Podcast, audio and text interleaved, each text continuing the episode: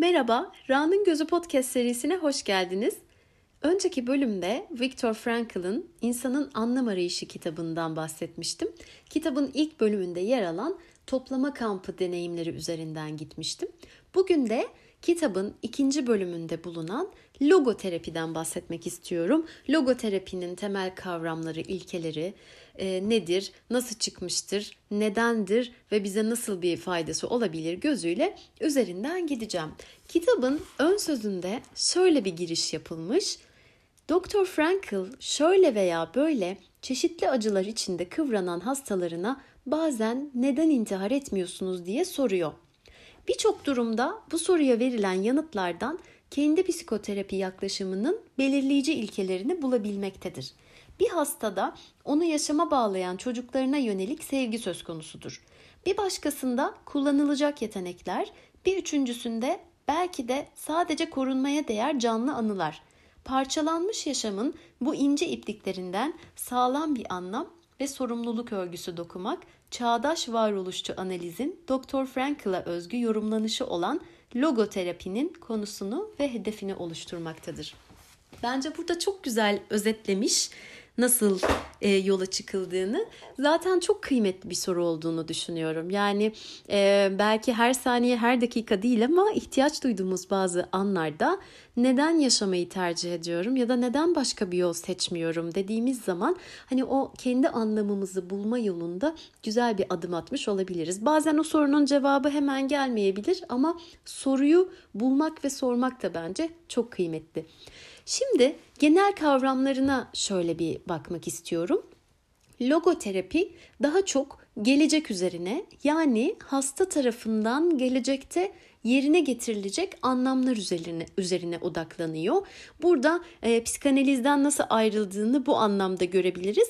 E, psikanaliz daha çok hani başına ne geldi, ne yaşadın diyerek biraz geçmişe e, götürüyor. Çoğunlukla da çocuk yaştaki olaylara.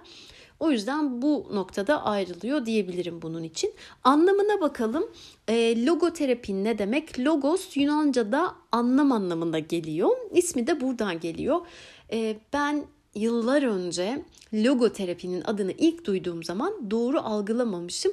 Legoterapi zannetmiştim. Tabii çok çok uzun yıllar önce.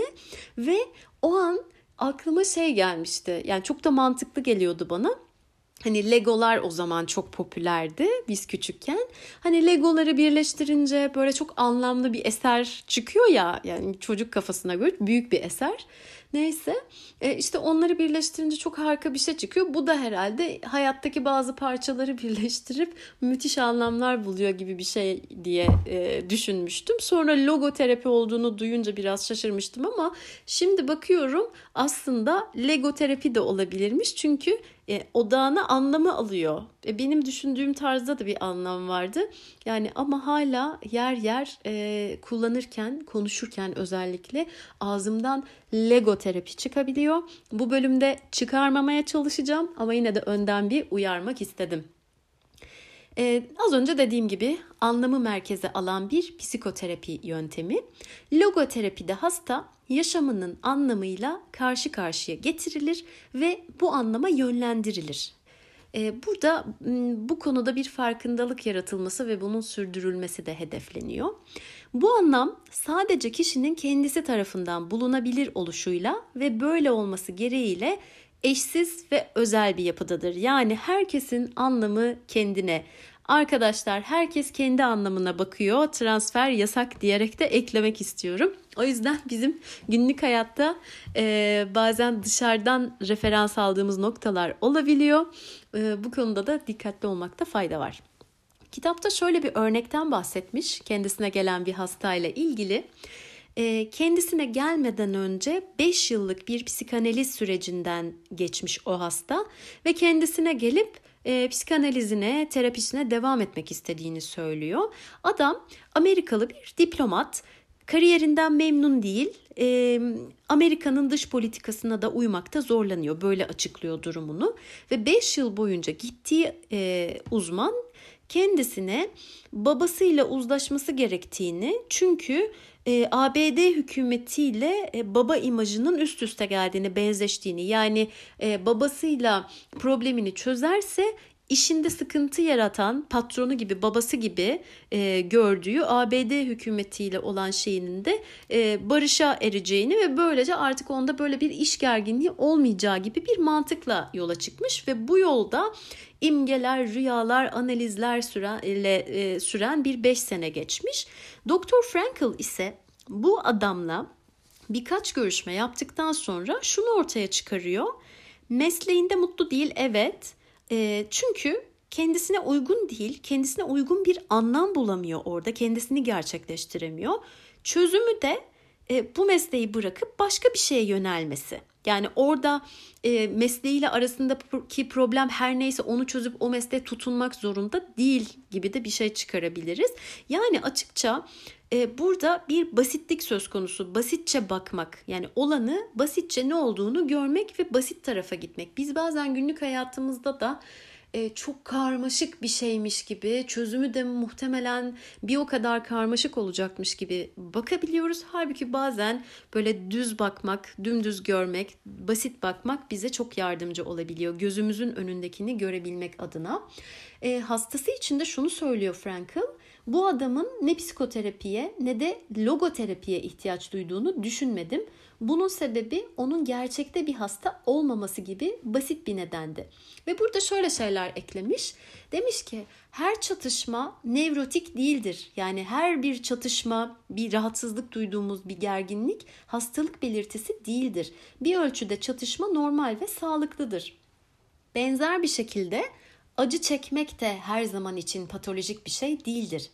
İnsanın kendi varoluşuna anlam bulma arayışının Hatta buna yönelik kuşkusunun her durumda bir hastalıktan kaynaklandığını ya da böyle bir hastalığa yol açtığını kesinlikle reddediyorum diyor. Bir insanın yaşamı yaşamaya değer oluşuna ilişkin kaygısı hatta umutsuzluğu varoluşsal bir bunaltıdır. Ama kesinlikle bir ruh hastalığı değildir. Böyle bir şeyi ruh hastalığı terimiyle yorumlayan bir doktor hastasının varoluşsal umutsuzluğunu uyuşturucu ilaçlar yığınının altına gömebilir. Bunun yerine onun görevi varoluşsal gelişim ve gelişme krizi boyunca hastaya yol göstermektir. Burada yine kendisinin de yaptığı gibi aslında o doktora dikkat çekmek istiyorum ben de. Kendi yakın çevremde her ne kadar ilaç karşıtı olarak etiketlensem de ki ben zinhar bir ilaç karşıtı değilim. Benim karşı olduğum şey gittiğim uzmanın ne uzmanı olursa olsun işte psikiyatrist de olabilir, dahiliye uzmanı da olabilir, beyin cerrahı da olabilir neyse yani beni dinlemeden gerçek anlamda beni rahatsız eden şeyin ne olduğunu, neden kaynaklandığını bilmeden otomatik olarak elime bir reçete tutuşturması. Ve ben böyle bir şey yaşarsam muhtemelen o reçeteyi alır, yırtıp atar, kapıdan çıkıp kendime beni dinleyecek ve anlayacak başka bir uzman bulmak üzere yola çıkarım diye düşünüyorum. İnsanın gerçekte ihtiyaç duyduğu şey gerilimsiz bir durum değil, uğruna çaba göstermeye değer bir hedef, özgürce seçilen bir amaç için uğraşmak ve mücadele etmektir. İhtiyaç duyduğu şey gerilimi boşaltmak değil, onun tarafından yerine getirilmeyi bekleyen potansiyel bir anlamın çağrısıdır. Burada gerilimi boşaltmak e, kavramı üstünde durmak istiyorum. Önceki bazı bölümlerde de bahsetmiştim. Bizim içimizde dönen o iç çatışmadan, gerilimden, işte kavgadan, savaştan ne dersek adına beslenmemiz gerekiyor. Yani gerekiyor derken ben tercih ediyorum. İçeride dönüp dursun, büyüsün ve sonra dışarıya çıksın ki ona o fırsatı verelim ki bizi bir yere götürsün. Ama onu susturmak, görmezden gelmek, uyuşturmak, araya başka tampon bölgeler koyarak ondan uzaklaşmak bizi hiçbir zaman o üretmek, yaratmak tarafına götürmeyecek. Dolayısıyla da anlamdan da uzaklaştıracak diye düşünüyorum. Burada kendisinin can sıkıntısıyla ilgili de bazı fikirleri var. İnsanların boş zamanlarında ne yapacaklarını bilememesinden kaynaklandığını söylüyor. Pazar günü nevrozu, tatil depresyonu gibi durumlarında e, bunun geçerli olduğunu söylüyor. Depresyon, saldırganlık, uyuşturucu madde alışkanlığı gibi olguları bunların altında yatan varoluşsal boşluğu kavrayamadığımız sürece anlayamayız diyor. Ayrıca varoluşsal boşluğun kendini gösterdiği çeşitli maskeler ve kılıfların da olduğuna dikkat çekiyor. Ee, burada şöyle açıklamalar yapmış. Ee, bazen içimizde bizim engellediğimiz bir anlam istemi var. O engellenince kocaman bir boşluk halini alıyor. Çünkü sen içine girip anlam bulamadığın için o boşluk şeklinde orada duruyor. Zaten yüzleşmek ve onu görmek de istemiyorsun. Sürekli etrafında başka şeylerle çeviriyorsun. Ne yapıyor insanoğlu bunun karşısında? Bunu dengelemesi gerekiyor. Orada kocaman bir boşluk var. Gidiyor güç, para gibi temsili bir yoldan dengelemeye çalışıyor ya da başka alışkanlıklarla, davranışlarla, haz e, odaklı, işte yemek gibi, cinsellik gibi başka alışkanlıklar gibi şeylerle bunu dengelemeye çalışıyor. Hatırlarsanız bağımlılık bölümlerinde de bundan bahsetmiştim detaylı bir şekilde. Adeta bununla yüzleşemeyen insan bağımlılık döngüsüne giriyor. Sürekli o boşluk arttıkça başka şeylerle onu dengelemeye çalışıyor. Peki nasıl bir çözüm üretiyor, öneriyor logoterapi? Ee, en başta basitçe bir farkındalık, sonrasında kabullenme ve e, logoterapi bir krallık olsa tahtın sahibi olan sorumluluk, sorumluluk almak. Yaşamdan ne beklediğimizin gerçekten önemli olmadığını, asıl önemli olan şeyin yaşamın bizden ne beklediği olduğunu öğrenmemiz gerekir diyor. Yani insanın yaşamın anlamı nedir diye dışarıya sormayı bırakıp bu sorunun muhatabının kendisi olduğunu kavraması gerekir diyor. Logoterapi de kişinin kendi sorumluluklarının tam olarak farkına varmasını sağlamaya çalışıyor basitçe. Burada logoterapiyi uygulayan terapisti ressamdan çok göz doktoru gibi görmemiz gerektiğini söylüyor. Çünkü ressam dünyayı kendi gördüğü gibi aktarır bize. Göz doktoruysa dünyayı gerçekte olduğu gibi görmemiz için çabalayan uzmandır. Ve e, bunların üzerine bunun nasıl mümkün olur acaba bunu uygulamak hayatta karşılığı nedir diye baktığımızda hayata karışmak kavramı var. İnsanın sorumlu olduğunu ve yaşamının potansiyel anlamını gerçekleştirmesi gerektiğini söyleyerek yaşamın gerçek anlamının kapalı bir sistemmiş gibi kişinin kendi içinde ya da kendi ruhunda değil, dünyada keşfedilmesi gerekliliğini vurgulamak istiyor. Bunu söyleyerek de benim aklıma şunu getirdi.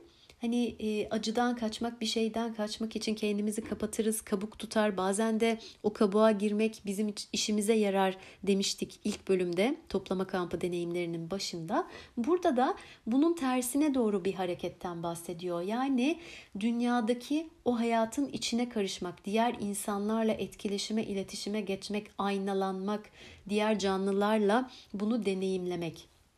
Ve burada e, kişi hizmet edeceği bir davaya ya da seveceği bir insana kendini adayarak ne kadar çok kendini unutursa o kadar çok insan olur ve kendini de o kadar çok gerçekleştirir diyor. E, burada insanın kendini adaması, kendini tamamen unutması, kendinden vazgeçmesi değil ama hani pozitif psikoloji bölümünde bahsetmiştim. Kendinden daha büyük bir şeye ait olmak, daha büyük bir amaca hizmet etmek, onun bir parçası olmak ama o parçası olmak kendini feda ederek, kendinden vazgeçerek falan değil, kendini gerçekleştirerek ancak mümkün. Ee, Logoterapiye göre yaşam anlamını 3 yoldan keşfedebiliriz. Birincisi eser yaratarak ya da bir iş yaparak yani üreterek aslında burada da kendini ortaya koymak, gerçekleştirmek ve o yoldan hayata anlamlı bir katkı sağlamak söz konusu. İkincisi bir şey yaşayarak ya da bir insanla etkileşerek burada bir öteki kavramı söz konusu. Biz öteki sayesinde varlığımızı aslında tecrübe ediyoruz. Çünkü dünyada tek başımıza olmak çok da yani bize katkı sağlayacak bir şey değil bu anlamda. Çünkü biz bir şey ortaya koyuyoruz, bir şey söylüyoruz, bir şey yaratıyoruz, bir şey hissediyoruz. Ancak ötekinin aynasından kendimize bakarak gerçek anlama ulaşabiliyoruz. Üçüncüsü kaçınılmaz acıya yönelik bir tavır geliştirmek. Burada da Stoacılara bir göz kırpmak isterim. Onların felsefesi neydi? Eğer bir şey benim kontrolümde değilse, etkin bir yetkim yoksa onun için gereksiz yere acı çekmeyeyim. Değiştiremeyeceksem eğer böyle bir şey mümkün değilse boş yere onun acısını da kat be kat fazla yaşamayayım gibi bir bakıştı. Bu arada acıda anlam bulmak diyoruz. E, Frankl burada da araya giriyor ve şöyle eklemeler yapıyor. Anlam bulmak için acı çekmek kesinlikle gerekli değildir. Acının kaçınılabilir olduğu durumlarda yapılacak en anlamlı şey ister ruhsal ister fiziksel olsun acıya yol açan nedeni ortadan kaldırmak olacaktır. Gereksiz yere acı çekmek kahramanlık değil mazoşistliktir ve hatta drama queenliktir diye de ben eklemek isterim. İnsan varoluşunun temelde geçici oluşunu aklında tutan logoterapi kötümser değil, eylemcidir diyor. Burada dikkatimi çeken iki nokta var. Birincisi geçici oluşunu aklında tutmak. Yani geçici oluşunu merkezine almıyor ama aklının bir kenarında da tutmak iyi geliyor. Hani böyle ölüm konusunda da bahsetmiştim önceki bir bölümde. Ee, öleceğimizi bilmek çok yerde bize yardımcı olabilir. İyi bir hatırlatma olabilir. iyi bir motivasyon kaynağı olabilir ama sürekli nasılsa öleceğiz, her şey bitecek, o zaman bırakalım abi ne anlamı var gibi bir kafaya girmekte hiç işimize yaramaz. Aksine bizi e, hiçlik denizinin ortasında yapayalnız bırakır, orada boğulur gideriz yani. Bir de e, kötümserlik, iyimserlik tarafı var. E, bunu da şöyle bir örnekle açıklamış. Karamsar kişi her gün bir sayfasını kopardığı duvar takviminin geçen her günle biraz daha inceldiğini korku ve hüzünle gözleyen insandır. Öte yandan yaşamın sorunlarına etkin bir şekilde saldıran insan, bu saldırmak çok iddialı, her gün takviminden bir yaprak koparan ancak bunları arkalarına günlük birkaç not aldıktan sonra öncekilerle birlikte düzenli ve özenli bir şekilde dosyalayıp saklayan bir insanı andırır. Takvim yaprağı koparmaya son demek istiyorum. Kalmadı o takvimler. Ee, onun yerine harika model ajandalarımız var diye ürün yerleştirdim resmen. Bu notlarda oluşan zenginliği, dolu dolu yaşamı gurur ve sevinçle düşünebilir. Yaşlandığını fark etmesinin ne önemi olabilir ki bu durumda? Buna sonuna kadar katılıyorum. Çünkü e, yani ben de bunu yapmayı tercih eden bir insanım. Yani ajandayı çok kullanırım, çok doldururum. Her türlü detayı elimden geldiğince aklımdan kal, e, aklımda kaldığı kadarıyla eklemek isterim. Şu kadar adım attım, böyle hissettim. Bugün şunları hallettim, şu yarın şunları yapacağım falan ve dönüp o ajandalarıma baktıkça da çok mutlu olurum. Yani arkadaşlar ben bu kısımdan yırttım. Bilmiyorum sizi. Ajandacılar yaşadı. İnsan varoluşunun temel özelliklerinden biri bu koşulların üstüne çıkabilme, bunların ötesinde gelişebilme yetisidir. İnsan olası olduğunda dünyayı ve gerektiği takdirde de kendini daha iyiye doğru değiştirebilme yetisine sahiptir. İnsan nihai anlamda kendini belirleyen bir varlıktır. Örneğin toplama kamplarında yoldaşlarımızın bazılarının domuz gibi, bazılarının da aziz gibi davrandıklarına tanık olduk. İnsanların içinde her iki potansiyelde vardır ve hangisinin gerçekleşeceği koşullara değil kararlara bağlıdır. Yani başımıza ne gelirse gelsin, önümüzde ne durursa dursun ben bununla ne yapacağım? Ben bunu neye dönüştüreceğim ya da ben ne yapmaya karar vereceğim gibi sorular sormak bize yardımcı olabilir. Bunu şöyle çok kısaca ve basitçe belki de komikçe özetlersem logoterapide günlük hayata almaya çalışırken ne yapıyoruz? Ee, fark ediyoruz, kabul ediyoruz, sorumluluk alıyoruz, anlama odaklanıyoruz ve dolu dolu ajandalar tutuyoruz diyebilirim. Evet, bugün bu logoterapi bölümünü de böylece bitirmiş olduk. Sonraki bölümlerde görüşmek üzere. Hoşçakalın.